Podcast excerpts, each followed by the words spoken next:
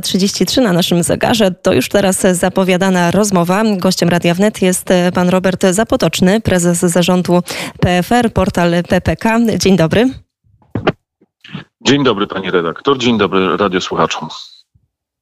Bardzo się cieszymy, że jest Pan gościem Radia Wnet. Dziś mamy taki temat, y, chciałam powiedzieć, że bardzo wdzięczny, ale też taki trochę newralgiczny dla, wie, dla wielu osób, a mianowicie kwestia oszczędzania. Porozmawiamy trochę o tym, jakie są trendy, jakie są nawyki, jeżeli chodzi o e, właśnie oszczędzanie, o tym, czy w ogóle warto oszczędzać w PPK, ale zanim to może mm, zastanówmy się trochę nad tym, co jest lepszą i bezpieczniejszą formą, jeżeli chodzi o zabezpieczenie się na przyszłość, czy oszczędzanie, czy inwestowanie inwestowanie? Mm, pani redaktor, dzień dobry. Y, przede wszystkim y, ponownie, czy co jest lepszą formą, czy oszczędzanie, czy inwestowanie? Myślę, że y, najwłaściwszym podejściem jest no, oszczędzanie po to, żeby na przykład część tych oszczędności zainwestować. Często mówi się o tym, żeby nie pakować wszystkich y, swoich oszczędności, wszystkich jajek do jednego koszyka, ponieważ y, gdyby doszło do jakichś turbulencji, bądź to na rynkach, bądź zmieniają się trendy rynkowe bądź gospodarcze, wówczas wszystkie nasze oszczędności mogą ucierpieć. Stąd bardzo ważne jest pojęcie, które brzmi mądrze, ale rzeczywiście jest bardzo potrzebne, czyli dywersyfikacja, czyli podział tego, gdzie lokujemy swoje środki. Warto pomyśleć mhm. o, o, takim zabezpieczeniu wielowątkowym i wielotorowym, y, jak praktyka pokazuje w historii.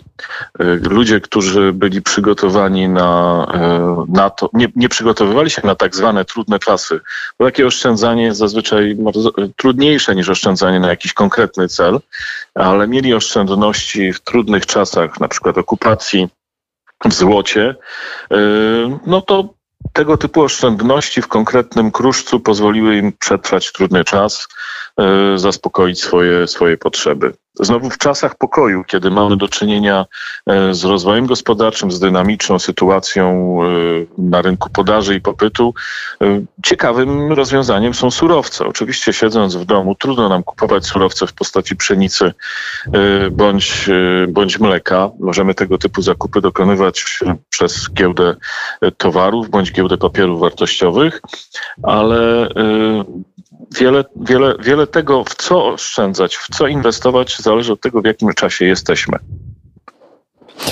No właśnie i kiedy tak e, myślimy o tym, w co konkretnie powinniśmy inwestować, e, jeżeli chodzi o mm, dzień dzisiejszy, mm, to, to co, to jest tak ciężko powiedzieć, co najlepiej wybrać, ale myślę, że mnóstwo osób, które mają jakąś gotówkę zabezpieczoną, teraz e, ma takie przeświadczenie, że żyjemy w bardzo niepewnych czasach i to jest spowodowane no, wieloma czynnikami, ale chociażby COVID i to, co COVID zrobił, jeżeli chodzi o gospodarkę światową, to mm, gdzie, co, co robić? Gdzie najlepiej? Czy grać na giełdzie? Czy może kupować nieruchomości, czy inwestować w dzieła sztuki, czy można spróbować tak trochę podpowiedzieć Polakom albo przybliżyć takim, którzy, którzy mają odłożone trochę gotówki, za co najlepiej się zabrać?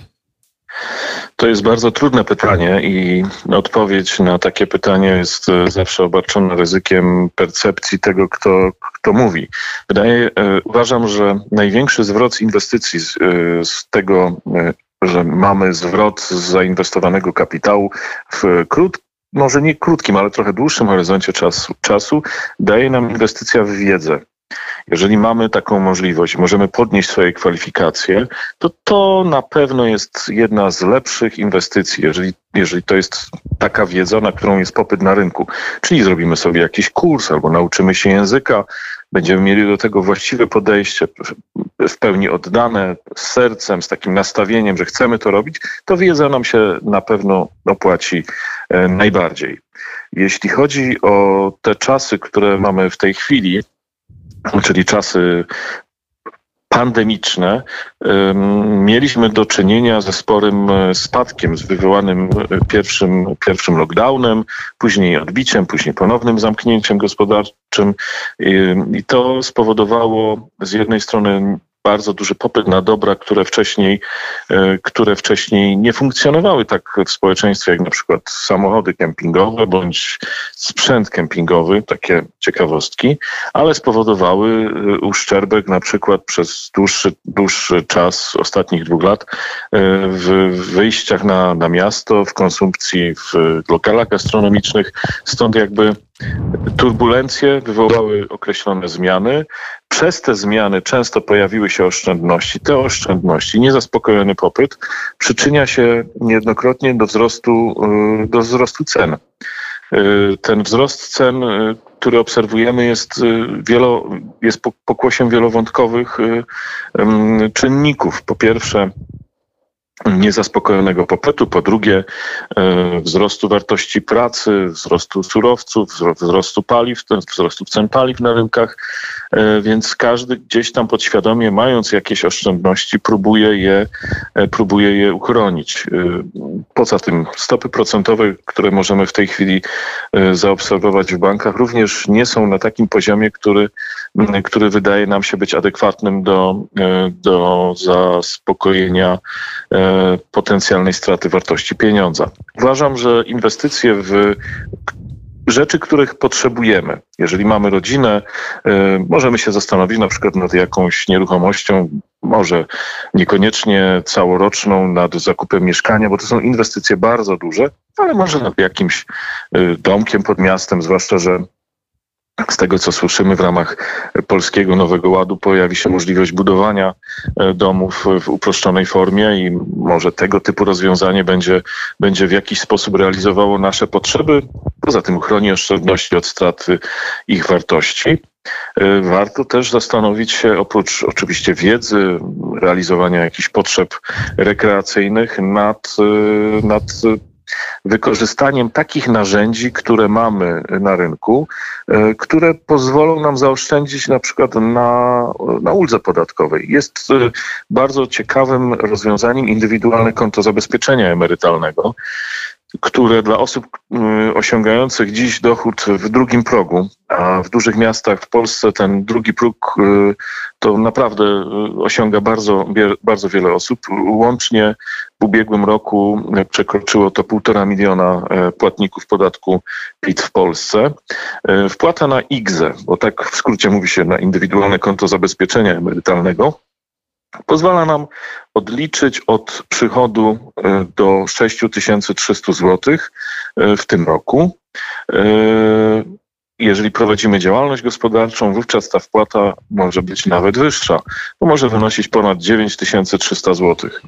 I ta wpłata odliczana od naszego dochodu pomniejsza, pomniejsza go jednocześnie można powiedzieć, że uzyskujemy wówczas ulgę bądź zwrot z podatku, często do 32%. Panie prezesie, to teraz e, jeszcze chwilę e, może wrzućmy taką łyżkę e, dziegcu, jeżeli chodzi tutaj o PPK. No bo jest tak, że coraz więcej osób się przekonuje i jest taka powszechna opinia, że można oszczędzać na pracowniczych planach kapitałowych, ale mamy też ten taki margines społecznej nieufności tych ludzi, których ciężko przekonać. I pytanie, czy mają Państwo jakiś plan, aby wpłynąć na ich decyzje i aby jednak właśnie ich przyciągnąć i namówić do oszczędzania w PPK? Pani redaktor, na pewno się nie obrazimy, nie, siądziemy, nie usiądziemy w kącie i nie powiemy, że jesteśmy smutni i zmartwieni i bardzo jesteśmy tym wszystkim załamani. E, niestety mamy do czynienia w Polsce z dużą dozą nieufności. Ta nieufność jest pokłosiem e, bardzo źle komunikowanej e, decyzji rządu Donalda Tuska o przekształceniu otwartych funduszy emerytalnych. To się przyczyniło do, do odbioru społecznego e, fatalnego tej decyzji i do po prostu podłamania fundamentów zaufania społecznego w systemowe oszczędzanie organizowane przez państwo. To, co możemy dziś powiedzieć, to Pierwsze, my musimy to zaufanie odbudowywać, a to jest mozolna, trudna praca, yy, która wymaga przede wszystkim budowania na, odbudowania zaufania przez przykład. Yy, więc po pierwsze, yy, na przełomie 20, mm, na, na przełomie 21 i 22 roku będziemy mogli Polkom i Polakom zaprezentować podgląd, podrachunek oszczędnościowy PPK w w instytucjach finansowych. Przez portal mojeppk.pl każdy uczestnik będzie mógł się zalogować profilem zaufanym bądź to przez rachunek bankowy, bądź to przez M-Obywatela, e, do swoich rachunków PPK, jeżeli ma ich więcej, bądź jednego, i zaobserwować, jakie, jak wysokie ma oszczędności. Każdy z nas. E, w jakim celu to jest e, przygotowywane? Często w zasadzie wszystkie instytucje finansowe prowadzące pracownicze plany kapitałowe przygotowały taką funkcjonalność, natomiast nie zawsze jest ona wykorzystywana, ponieważ wymaga no, pamiętania loginu, hasła. To są rzeczy, które często powodują, że, że, że, że podchodzimy do tego z takim, z takim e, pewnym poziomem tak zwanej, e, mądrze nazwanej prokrastynacji, czyli przesuwania wszystkiego na później to, co my przygotujemy, będzie bardzo proste, bardzo wdzięczne, bardzo fajne. Będzie można to zrobić w prosty sposób, tak jak większość cyfrowych udogodnień przygotowywanych aktualnie przez państwo dla obywatela. Po drugie, w 20 2023 roku, na początku 2023 roku, e, będzie możliwość e, ponownego zapisu wszystkich.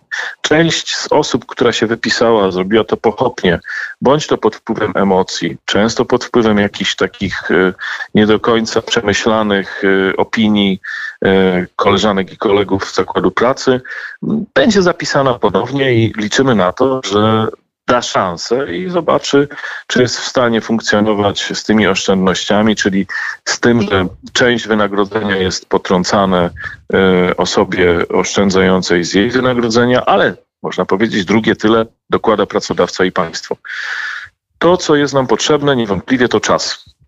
I to, co mogę powiedzieć, to podobne, e, podobne zachowania, podobną behawiorystykę możemy zaobserwować w innych krajach, w których funkcjonują analogiczne systemy oszczędzania. W Wielkiej Brytanii, w Turcji każdy ponowny zapis powoduje skokowy wzrost osób oszczędzających.